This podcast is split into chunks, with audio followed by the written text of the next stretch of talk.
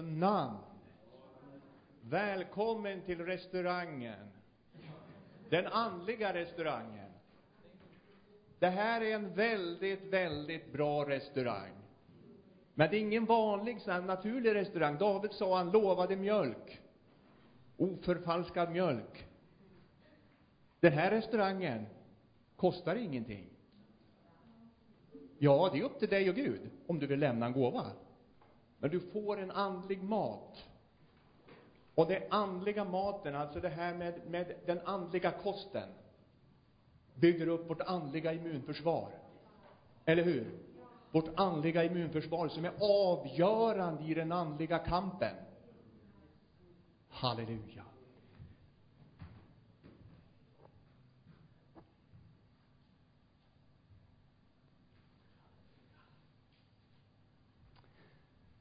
Vi ska, jag ska försöka hålla det här koncentrerat, kort och koncentrerat, som ett litet paket. Halleluja. Eh, ni kanske aldrig har hört en sån här predikan förut, men det är ett budskap från den helige Ande som jag tror träffar precis i rätt tid. Och den helige Ande vill lyfta fram två personer i Bibeln som, som ville gå med Gud, och de gick med Gud, men de hamnade snett och deras andliga immunförsvar var orsaken till att de hamnade snett. För det blev raserat. Det höll inte emot när fienden var där. Och eftersom det är, Bibeln är ju så fantastisk, därför att Bibeln är ju ärlig. Bibeln gömmer inte undan brister hos gudspersoner, de talar om precis fel och, och, och, positivt och negativt, så att vi ska kunna få se hela bilden. Och de här två personerna, en är ju en gigant, den andra är kanske inte lika stor gigant. Men den helige Ande, om ni lyssnar nu, så tror jag att det finns ett budskap som är personligen, alltså inte till församlingen, utan det är till dig och mig personligen. Så att vi kan leva på ett starkt sätt, seger varje dag. Tror vi att det är Guds vilja? Att vi kan leva i seger varje dag? Amen. Amen. Halleluja. Och de här två personerna, de var ovetande om sin andliga potential. De visste inte vilken kraft de hade egentligen. Och eftersom de inte hade den här kunskapen, så gick de snett. Ska vi slå upp Domarboken 6? Här är den första personen då. Halleluja, halleluja. Domarboken 6. Halleluja. Åh Fader, vi bara tackar dig för ditt ord idag. Vi tackar dig för att du har en plan och ett budskap för den här gudstjänsten.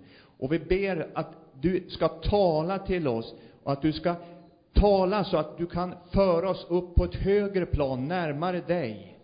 Så att vi kan höra din röst klarare, så att vi kan gå starkare, så att vi ser den andliga förmåga som du har lagt i våra liv så att vi kan gå varje dag i seger, vandra nära dig och fullborda din kallelse på våra liv. Låt inte någon människa i den här lokalen, den här kyrkan, lämna kyrkan som de kom, utan tack för att du fyller oss var och en med ny uppenbarelsekunskap, med ny styrka, ny kraft och en vision för framtiden. I Jesu namn. Amen. Alltså att leva i seger, det, det handlar inte om att allting går på räls varje dag. Men vi kan vara, njuta av en seger, fast det, det smäller lite grann runt omkring oss. Vi vet att Gud verkar i himmelen och han jobbar för oss och våra bönesvar och Guds vilja kommer lite där framme, även om det kan smälla lite just nu. Halleluja. Domarboken 6, första kapitlet, första versen så står det så här. Men när Israels barn gjorde vad ont var i Herrens ögon, gav Herren dem i Midjans hand i sju år. Här var det säkert så att Israel hade fått sin chans, men de hade fort, fortsatt att vandra utan Gud, och till slut så var Guds tålamod slut. Och Midjans hand blev Israel så övermäktig att Israels barn till skydd mot Midjan gjorde sig de hålor som nu är att se i bergen, så också grottorna och bergfästena. Så ofta israeliterna hade sått, drog midjaniterna, amalekiterna och österlänningarna upp emot dem och lägrade sig där och överföll dem och fördärvade landets gröda ända fram emot Gaza. De lämnade inga livsmedel kvar i Israel, inga får, oxar eller åsnor. Ty de drog dit upp med sin boskap och sina tält och kom så talrika som gräshoppor. De själva och deras kameler var oräkneliga och de föll in i landet för att fördärva det.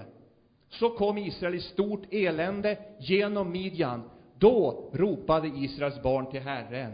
Vilken situation alltså! Här lever Israels folk i ett ockuperat land, i jordhålor. Närmare, hörs bättre där. Ja. Alltså vilken fångenskap! Konsekvenserna är ju förödande om vi lämnar Gud, om vi lämnar hans ord. Och här hade Israel fått chansen, men de hade vikit av och tillbad andra gudar. Det fanns en kollektiv depression i Israel, som är förståelig. Gideon här då, som vi ska möta här i vers 12.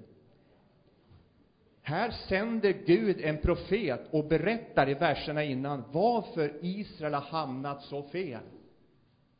Och så kommer vi i vers 12. För honom, för Gideon, uppenbarade sig nu Herrens ängel och sa till honom nu ska vi veta att, att Gideon är ju deprimerad. Han är ju, det är en hopplös situation. Han har säkert hört om Gud, men långt där borta. Hans pappa har offeraltare till avgudar hemma. Balsaltare hemma. Hos Gideons pappa finns alltså altare där de tillber en, en okänd gud. Då kommer en person till Gideon. Han ser inte att det är en ängel. Och så säger han så här, Herren är med dig, du tappre stridsman.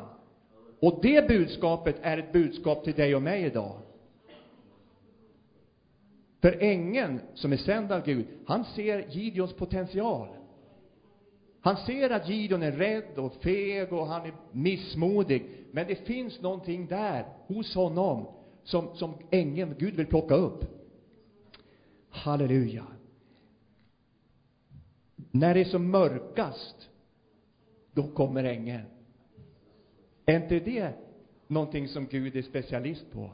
När vi har uttömt alla möjligheter, när vi har lämnat våra egna alternativ som vi försökte ett tag, det är perfekt för Gud, för då säger Gud bra, då är ni redo för ett mirakel. Halleluja.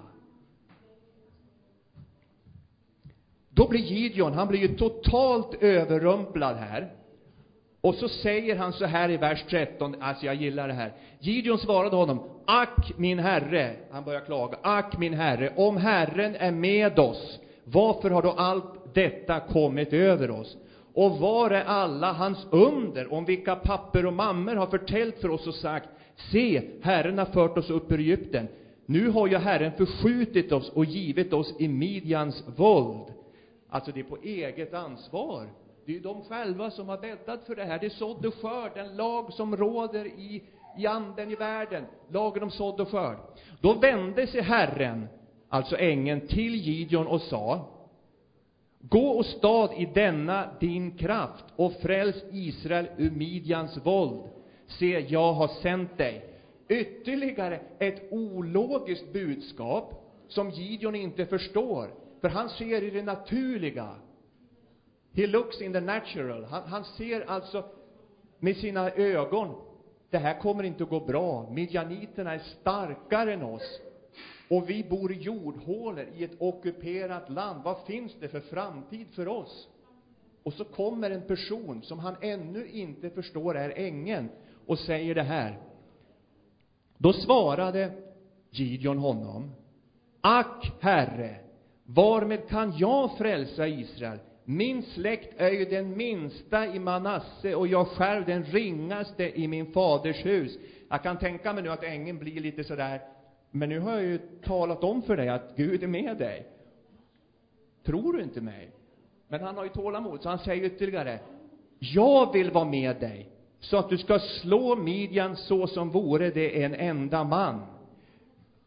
Och några verser senare så förstår Gideon att det är en Guds budbärare som han har träffat. Och Gideon blir ju spak och han inser ju här att det här är inte ett vanligt möte. Alla vi som tror på Gud och vandrar med honom har ju insett att Gud är ologisk. Eller hur? Han gör saker som inte vi har räknat med. Men det är ju därför han är Gud. Vad säger Jesaja? Mina tankar är inte era tankar och era vägar är inte mina vägar. Halleluja. Alltså man får ju respekt och man inser det att det kanske också är att då blir man ganska liten och då inser man att Gud gör som han vill. Om vi bestämmer oss för att kasta våra bekymmer på honom, då ska inte vi sen gå och fundera, hur ska Gud svara nu? Det är upp till honom och det är hans tidstabell som gäller, så vi ska inte fundera så här, fundera på något slags svar, för det är mänskligt. Låt Gud sköta det jobbet, för det är han som är bäst på det. Och sen vill han att vi ska njuta under striden. Halleluja. Det är möjligt att njuta under striden. Eller? Amen. Halleluja. Halleluja. Alltså ängeln hälsar med ett stärkande, glädjande budskap. Han vill bygga upp Gideons andliga muskler, hans andliga immunförsvar som är raserat. Det är så Gud gör. Han lyfter upp, han fördömer inte. Utan han ser potentialen och kraften och så säger han, titta vad du har. Du är med mig. Halleluja. Här börjar Gideons verkliga liv. Han har haft ett liv som har varit depression och det har varit bara elände eftersom de valde en annan väg. Men här börjar Gideons verkliga liv. Han blir alltså en övervinnare om några verser därför att Gud är med honom. Gideon, står det, blir beklädd med den heliga Andes kraft. Ungefär som när David kommer in här så känner han att det kommer en mantel över honom. Och vi, vi på något vis, vi känner på insidan så händer det någonting med oss. Halleluja. Men Gideon är ju fortfarande lite tveksam, för han tycker det här är orealistiskt, o, overkligt, det är, det är ologiskt. Så han vill ha fortfarande några bevis. Och Gud är ju långmodig, så han ger Gud, Gideon bevis med ullen här, som ni kanske har hört talas om. Och till slut så blir Gideon lugn. Han inser, ja men Gud är ju med mig till slut va. Så då, och, och, och här har Gud kanske överseende med Gideons feghet och hans tvivel. För han vet att Gideon har varit långt borta i tvivel. Jag behöver jobba med honom lite grann. Jag behöver jobba med honom några verser här. Halleluja. För Gud lever ju i trons värld. Och där råder det andra regler. Vi vet ju Josua och Jeriko, ologiskt vandrar runt en stad många varv. David och Goliat, det var ju ologiskt att David skulle slå Goliat som hade ett bröstpansar som vägde 42 kilo. Ett bröstpansar som vägde 42 kilo. Hur Jesus dödade fikonträdet med sina ord, det är också ologiskt.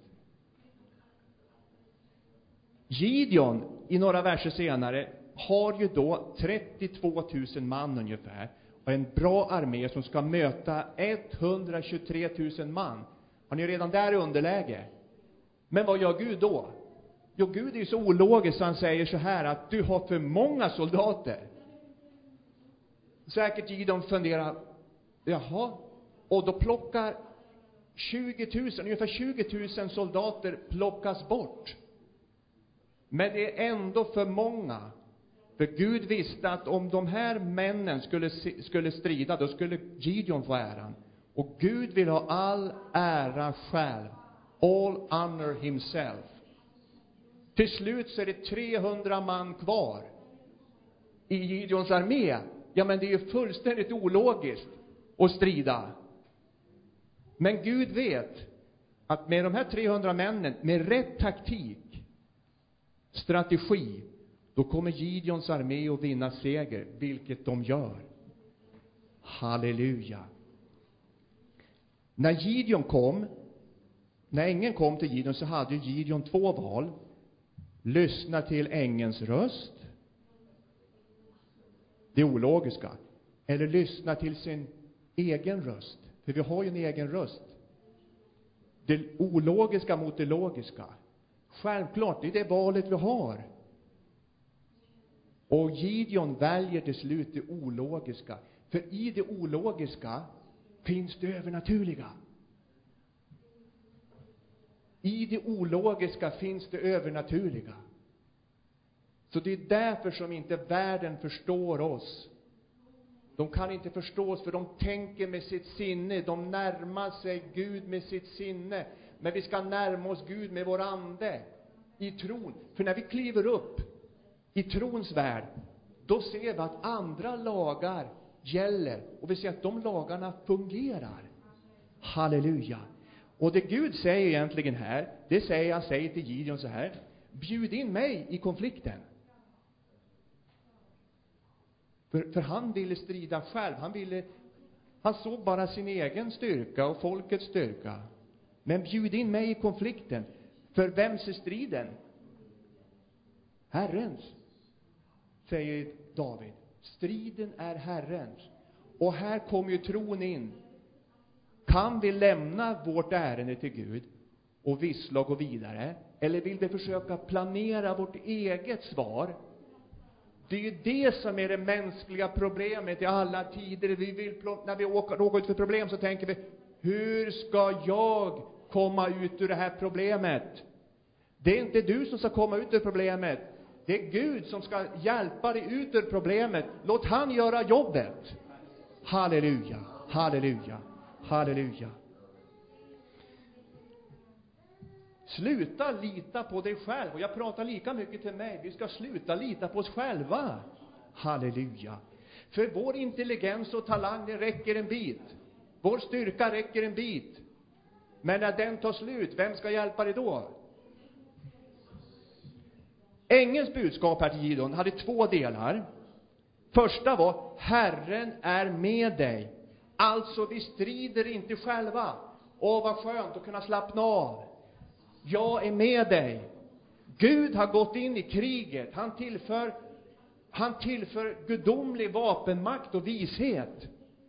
Och den bästa soldaten är inte den som har den bästa vapnen, det är den som lyder order. De som lydde order med Gideon, 300 man, de tyckte säkert att det här är jätteknäppt. De ville hem till sin familj och de ville vara barnvakt med sina barn och de ville läsa tidningen och sådär va. Men de visste att jag lyder order och då blev de en bra armé. Halleluja. finns en, en film som jag älskar som heter Jesus från Nasaret.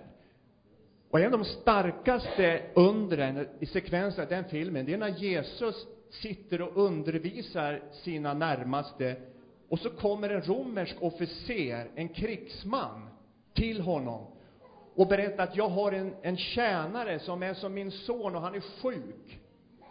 Eh, och så säger Jesus, frågar, vill du att jag ska komma och be för honom och bota honom?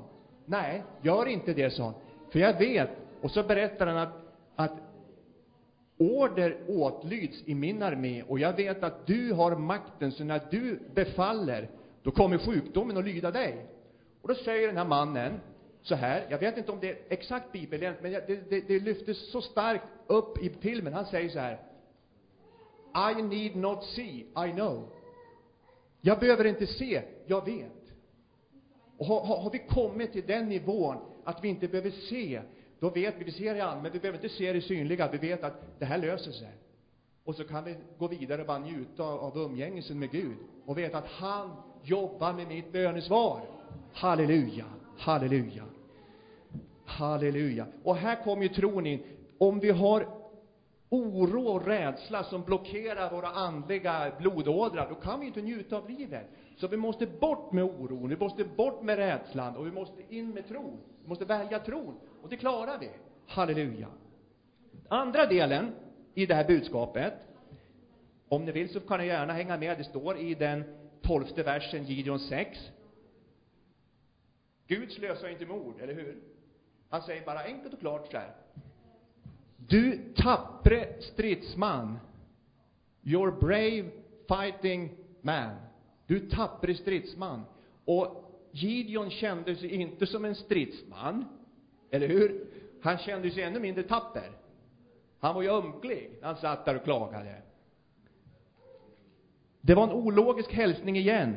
Men här ser alltså då, Gud ser Gideon som en överbefälhavare i Israels armé som ska frälsa Israel från midjaniterna.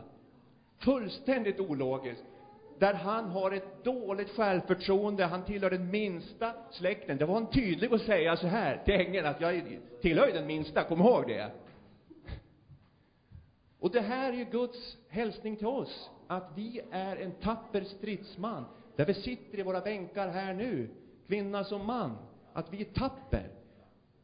Och vi ska, vi ska se oss själva som tappra, för det finns en potential hos var och en av oss, eftersom samma kraft som uppväckte Jesus från de döda, dynamisk kraft, bor i oss.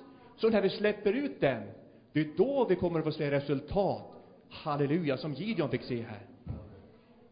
Halleluja. Nu kommer vi till den andra delen, och den här delen har jag haft i mig länge, och jag vet inte varför, men det finns ett budskap här som jag aldrig hört någon predika om, eftersom det är kanske den märkligaste boken i hela Bibeln. Det är kanske den märkligaste personen i hela Bibeln. En av de äldsta böckerna som är så missförstådd. Den här mannen hade ett andligt immunförsvar som var raserat och tragedin var att han inte insåg det. Han var en, en, en stor hjälte i sin stad. Han, han berättar i ett av kapitlen hur stor han var i staden, hur han, folk böjde sig för honom, hur folk lyssnade till hans råd, hur de, hur de visa männen klev undan när han kom in, för nu visste de att nu skulle han tala visdomsord. Han hjälpte den fattiga, han hjälpte änkan, han hjälpte de som hade det jobbigt. Han var en, han var en fantastiskt god man, men han var religiös. Han hade inte den andliga rikedomen. Han var den rikaste mannen i hela Österlandet, står det. Ska vi slå upp Jobb, kapitel 1. Eh, och här, jag ska avsluta med Jobb, och här finns en skattkammare och plocka skatter. Jag skulle vilja, egentligen skulle jag vilja ha en eller två predikningar sen, där, där vi går igenom Jobb, för han är så viktig för, för oss. Och han finns, boken finns här av ett syfte, för att lära dig och mig hur vi ska kunna leva i seger och vad det är som vill stjäla från oss. Jobs bok, det första kapitlet. Är det någon som har läst Jobb i veckan? Är det ingen som har läst Jobs bok i veckan? Nej? Jag förstår er. Det är en lite dyster bok på ett sätt, men det är en fantastisk avslutning. Om ni inte har biblar, så finns det biblar i bokhyllan där nere, om ni skulle vilja ha. Annars kan jag läsa här nu. Kort. Första versen. I Us land levde en man som hette Jobb. Han var en ostrafflig och redlig man som fruktade Gud och flydde det onda. Fyra egenskaper som är fantastiska, som Gud talar om här och lyfter fram. Åt honom föddes tio barn, sju söner och tre döttrar. Och han ägde, lyssna här nu, 7000 får, 3000 kameler, 500 par oxar och 500 åsninnor, därtill tjänare i stor mängd. Så var denne man mäktigare än någon annan i Österlandet. Alltså, rikedom på Bibelns tid, det var inte pengar bara, det var ju boskap. För boskap var ju pengar. Och alltså den mäktigaste mannen i hela det landet, i hela Österlandet, är Jobb.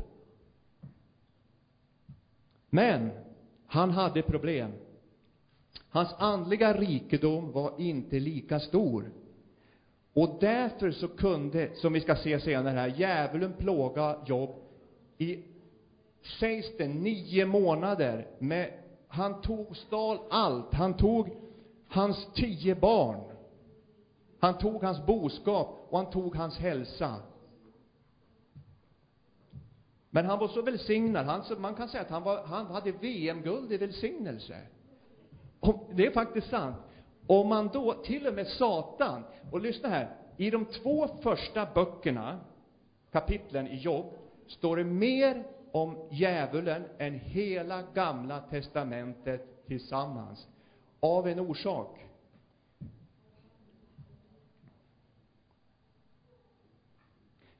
Det här är ju ologiskt, tycker vi. Eller är det sådd och skörd? Jobb var ju, han levde ju rätt, han trodde ju han levde rätt. Och i 29 kapitlet är ett, ett fascinerande kapitel. Han räknar upp alla hans fördelar. Jag tar lite grann på det. Kapitel 29. Kapitel 29. Eh, har ni inte Bibeln med så lyssna här. Här alltså Jobb talar om för sina så kallade vänner som vill hjälpa honom, så talar han om hur han levde innan han började plågades.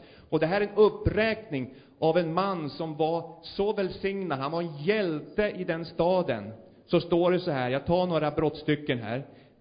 Vers nummer 6. Då mina fötter badade i gräddmjölk och klippan invid mig göt ut bäckar av olja. När jag då gick upp till porten i staden, vers 7, och intog mitt säte på torget, då drog de unga sig undan vid min åsyn. De gamla reste sig upp och blev stående. Då höll hövdingar tillbaka sina ord och la handen på munnen. Furstarnas röst göd och dämpad, och deras tunga lodde vid gommen. Ja, vart öra, alltså varje människa som hörde mig, prisade mig då säll, och vart öga som såg bar vittnesbörd om mig. Vers 20. Min ära blir ständigt ny. Vers 21. Ja, på mig hörde man då och väntade. Man lyssnade under tystnad på mitt råd. Sedan jag hade talat, säger Job, talade ingen annan. Det behövdes inte, för han var så klok. Så som ett vederkvickande flöde kom mina ord över dem. Och vers 25 tycker jag är ganska talande för, för Jobs eh, läge då. Jag tronade då såsom en konung i sin skara. Det var Jobb förr i tiden, innan djävulen var på honom. Alltså, han var ju som en, han var ju som en konung. Alla insåg att det var han som hade visdomen, han som var välsignad. Man kunde titta på hans, hans, hans barn, tio barn välsignad, boskap, tjänare i stor mängd. Han var nummer ett. Han, var, han hade en VM-guld i välsignelse. Men ändå så träffas han av fiendens pilar. Det är alltså obegripligt. Och det är därför den här boken blir så, så schizofren egentligen, tycker man. va. Ja, men Gud säger ju att du är ostrafflig och redlig och ståndaktig. Du har fyra stora egenskaper. Och ändå så faller du så grymt. Djävulen kan stjäla din boskap och dina barn. Varför? Och det är många, alltså, det finns ju kristna som, som, som tro att de lever rätt och, och så drabbas de av saker och ting och vi, vi kan inte tala om varför det men jag tror den helige Ande vill öppna den här boken och, och du kan få ett budskap här som kanske gäller dig, det kanske gäller någon annan som du kan föra det vidare till. Men det ska inte vara så här att, att kristna personer som jobb lider så hemskt. Och därför är den här boken så viktig. Därför din andliga rikedom, det är ju den som är viktigast. Det är ju inte hur, hur mycket boskap och pengar du har, och du har en god hälsa. Om det börjar på insidan, att du får kunskapen, för kunskapen är makt, och du får tag på, på uppenbarelsen som den helige Ande vill ge dig, då kommer du inte att falla för Satan. Då kan du, som Johannes brev säger, att den som är född på nytt, han tar sig tillvara och den onde kommer inte vid honom. Det är ju ganska radikalt. Den onde kommer inte vid dig om du tar dig tillvara, om du är född på nytt.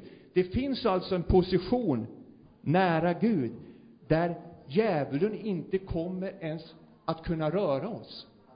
Amen. Och det är den positionen vi ska ha åt. Vi ska alltså inte tänka att det, det är någonting för de här stora gudsmännen som på något vis lever så nära Guds tron. Nej, men det är för dig och mig. Potentialen finns här. Halleluja. Halleluja.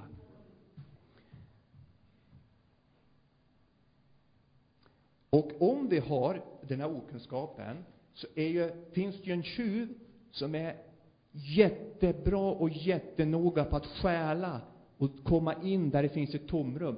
Och det var det här tomrummet som Job hade, och vi ska se varför han föll.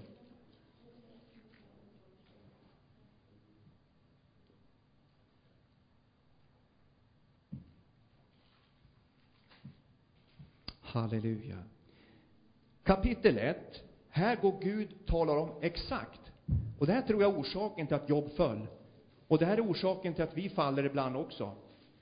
Kapitel 1 är ganska, alltså det är så tydligt. Först räknar Gud upp fördelarna med Jobs liv och välsignelse. Men sen kommer i vers 5 det som är så tragiskt. Så står det så här. Och här gäller det att läsa mellan raderna. När så en omgång, fyr, fyr, vers 4, och hans söner hade för vana att gå stad och hålla gästabud den ena dagen i den enes hus, den andra dagen i den andres. De sände då och inbjöd sina tre systrar att äta och dricka tillsammans med dem. Jag vet inte vad du får för en bild, men min bild är att de här barnen som Job hade kanske inte alltid gick med Gud. De festade och de hade det trevligt och sådär. Och vem vet vad som hände här när de festade? Och Job, han anar ju det här. Han var ju inte oförstående, så han säger i, så står det i vers 5. När så en omgång av gästabudsdagarna var till ända sände Job efter sina barn för att helga dem. Betida om morgonen offrade han då ett brännoffer för var och en av dem, ty Job tänkte, kanske har mina barn syndat och i sina hjärtan talat förgripligt om Gud. Så gjorde Gud Job varje gång. Jag tror så här, att, att Jobb, det här är ju inte trosord. Det här är ju en, en orolig far som är rädd för vad sina barn kan synda. En bra far hade ju sagt så här, jag tror inte att mina barn syndar. Jag tror att de tar rätt beslut. Jag tror de är visa för att jag har bett för dem och de kommer att klara det här bra. Men jag var orolig och rädd och fruktan dominerade hans hjärta. Så varje gång de hade varit fästa barnen så offrade han och han gjorde saker för att på något vis skyla över eventuella synder. Alltså vilket liv att leva i den här rädslan att hans barn kanske misslyckas, de kanske syndar.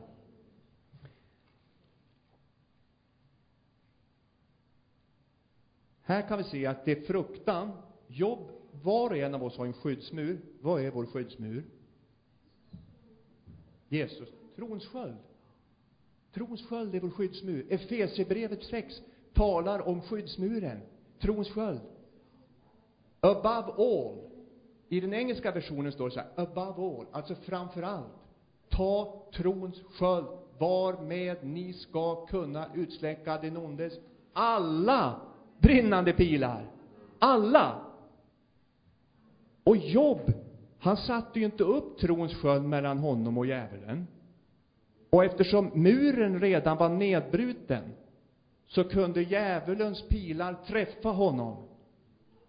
Och om ni har varit ute för det här, eller hört någon berätta om, om saker och ting som har hänt så där omedelbart, så kan man kan tänka sig, när fick du det där problemet, eller när fick du det där som, som slog dig? Ja, det kom, det kom bara över natten, som en pil. Kom över natten som en pil. Jag visste inte ens om det. Det är så djävulen arbetar. Han skjuter sina pilar mot oss, om vi har vår trossköld nere. Och Job, han levde på ett religiöst sätt, tror jag. Han levde, han gjorde bra saker, han var, han var en god man. Men han var också egenrättfärdig. Om vi läser den här boken så han lyfter fram sig själv som att hans goda livsstil skulle kunna frälsa honom. Men det är ju inte vår goda livsstil som frälsar oss eller får oss eh, en god hälsa. Det är ju vad Jesus gjorde. Och han hade inte uppenbarelsen av Nya Testamentet, så vi ska inte vara för hård mot Jobb. Men han hade en egen rättfärdig tänk av att om jag är god, då kommer det här inte att hända. Men han var så rädd att det skulle hända. Så läs vad det står i kapitel 3, vers 25, som är kanske det, den förklaringen till allt som händer Jobb. Denna fantastiske man på många sätt. Så säger han själv, här är orsaken till att det drabbar mig. Vers 25.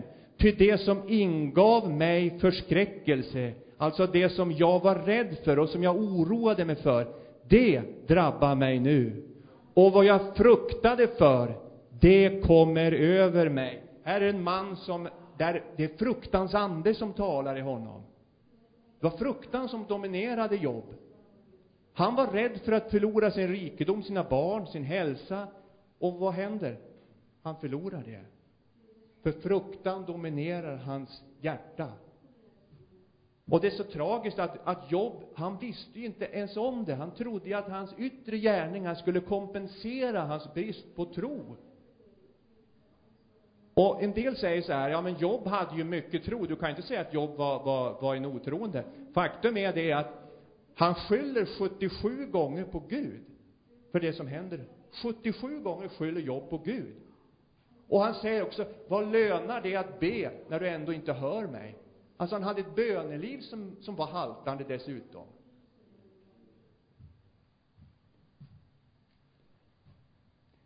Och Jobs skyddsmur, den revs ju ner när han började handla i fruktan och tala i fruktan. Och då står det också, det är, alltså det är så intressant det här, tycker jag i alla fall. Alltså här har Gud och Satan en konversation i kapitel 1. Det står i vers 6 så här.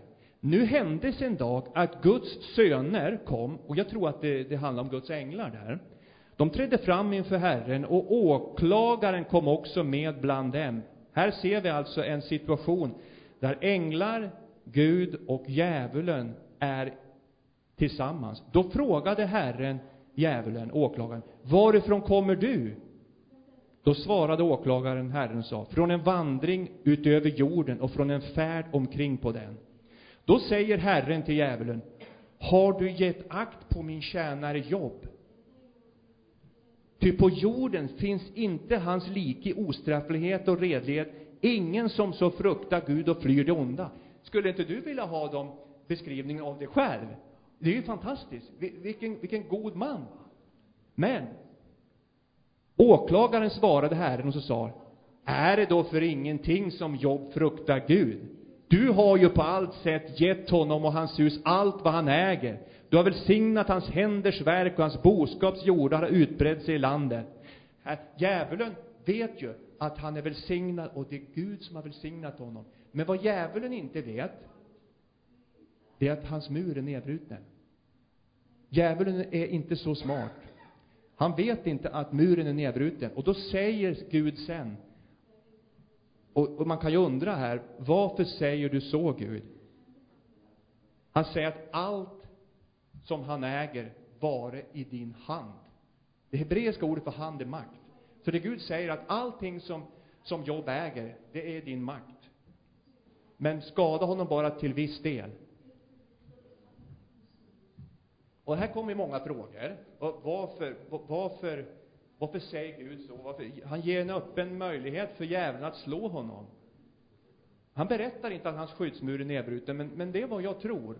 Och det är vad jag, jag upplever alltså att den här skyddsmuren är så viktig att hålla upp. Och egentligen så handlar det bara om en tidsfaktor här.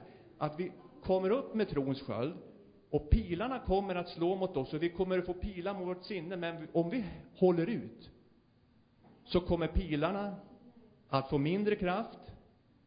Vi kommer klara nästa strid bättre. Och till slut så kommer pilarna inte att skada oss överhuvudtaget. Och då kommer vi till den här Johannes 5.18. Vi kommer till den positionen. Vi tar oss tillvara. Och tar oss tillvara, vad är det? Det tror jag handlar om att man, man kollar sin utrustning. Man kollar trons sköld och man använder den utrustning som Gud har gett oss. Halleluja. Halleluja. Men vem var det som, en, en del frågar, var det Satan som drog ner Jobs trossköld? Var det Gud som gjorde det? För det kan man ju få uppfattningar. Eller var det Jobb? Satan är inte skicklig nog att göra Han har inte den makten. Och Gud gör ju inte det, för Gud är ju god. Utan det är vi själva. Halleluja. Nu ska jag avsluta strax här, men alltså Job var nio månader i Satans tortyrkammare. Han var inte välsignad, han var en fånge. Men hans makt, Satans makt bröts. Och den bröts, på slutet här får man se att Job har räknat upp sina fördelar och talat om att han har gjort allting bra. Och sen kommer Gud in på scenen och, och Gud är så vred över hur Job bröstade upp sig. Så att Gud talar om från kapitel 38. Och så säger, jag ska inte ta det i detalj alls, men han säger att och, sammanfattningen, om du är så stor och stark och smart och vis, skulle du kunna skapa det jag har skapat då? Och då trycker han till Jobb så mycket, så Jobb till slut blir så ynklig så han inser att vem är då jag? Jag har talat ord som jag egentligen inte skulle ha sagt. Och då, då, då blir han så förminskad. Och det är där, när vi blir förminskade och när vi på något vis inser att jag kan inte klara det här själv, jag kommer till slut av mig själv, nu är det bara Gud som kan hjälpa mig. Då, då är det läge för Gud att komma med sitt mirakel. För då, för då har vi blivit svag och när vi är svag är vi när vi är svag är vi Amen. Och det är också ologiskt. För att hur ska vi kunna vara starka när vi är svaga? Jo, men då har vi bjudit in Gud i striden. Och han tar över. Och han strider för oss som han gjorde i Jeriko med Gideons armé. Då blir vi så starka eftersom vi slår armkrok med Gud. Halleluja, halleluja, halleluja. Och det avslutas den här boken att Jobb blir upprättad. Eftersom han ångrar sig, han ber för sina fyra vänner. Och när han gör det, då bryts Satans makt. Så här. För då förstår Job att min frälsning beror på han i himlen, min Gud, Herren. Och då blir han ödmjuk först. Och då lämnar Job sin religiösa, sitt religiösa liv. Han har inte mycket att skryta med, utan han skryter med Gud, plötsligt. Och Jobb var ju också ovetande om andliga krigföring. Han visste inte om hur djävulen arbetade. Han visste inte om vem djävulen var. Och han hade ju inte den uppenbarelsen som vi har. Så Jobs bok, den, den visar egentligen Guds godhet och att vi behöver leva i, i Jesu närhet och i hans segerposition. Och då kan vi njuta av livet. Halleluja. För visst är det så här, det är djävulen som ska få magsår, inte vi. Eller hur? Djävulen ska få magsår, han ska bli nervös. Han ska vara ett nervöst knippe, inte vi. Vi ska ha frid och ro i våra liv. Och vi ska vara som Jobb var där andra delen av, av hans liv. Han levde mätt och han dog mätt, för då hade han fått tillbaka, vill säga, han fick tillbaka boskapen, han fick tillbaka barnen. Gud gav igen. Halleluja, han blev upprättad. Halleluja, halleluja. Och om, jag tror ju så här, den helige Ande, han är ju så lurig. Han, när, när, vi, när han har ett budskap, då, då, då, det blir som en aptitretare. It, it's like uh, wet our appetite.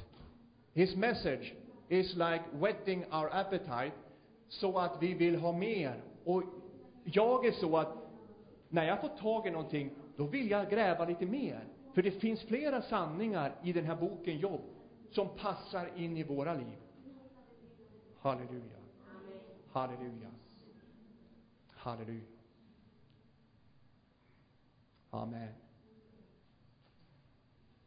Åh, jag tackar dig Fader. Jag tackar dig Fader för din stora godhet och för att du har ett budskap, Fader, som du har lämnat till oss idag. Och jag tackar dig Fader för att det budskapet innehåller så mycket uppmuntran, det innehåller så mycket tro, för vi vet att det är trons värld som du regerar och som du vill ha oss att leva i dag efter dag. Därför då blir det övernaturliga en sån vanlig sak i våra liv. Vi kommer att få bönesvar, vi kommer att få se saker och ting rätta till sig. Vi kommer att få se mörker vändas om som en hand till ljus. Och vi kommer att få se ekonomisk välsignelse följa oss. Den kommer att följa oss i våra fotspår. Vart vi än går så kommer den ekonomiska välsignelsen att följa oss och församlingen när vi går på din väg och vandrar i din ande. Åh, jag tackar dig Fader. Låt det här ordet som har blivit planterat i våra hjärtan bära frukt. Och jag säger till dig Satan, håll dig borta från dina barn. I Jesu namn. Och Satan, du, din plats är under våra klackar. Du är defeated, du är under våra fötter. Och det är där du ska vara. Därför vi proklamerar att Jesus är uppstånden och att Jesus besegrade dig Satan för ungefär 2000 år sedan. Vår storebror är över dig och vi sitter tillsammans med Herren Jesus på Guds högra sida i himlen och därifrån regerar vi över dig Satan. Och vi tackar dig Fader, tackar dig Fader för att du har satt oss i en segerposition och den positionen tar vi på allvar och den använder vi i vår vandring med dig. Halleluja. Och allt folket ropade Amen, amen, amen, amen. Halleluja, halleluja. Amen. Då ska vi gå vidare med eh, nattvard.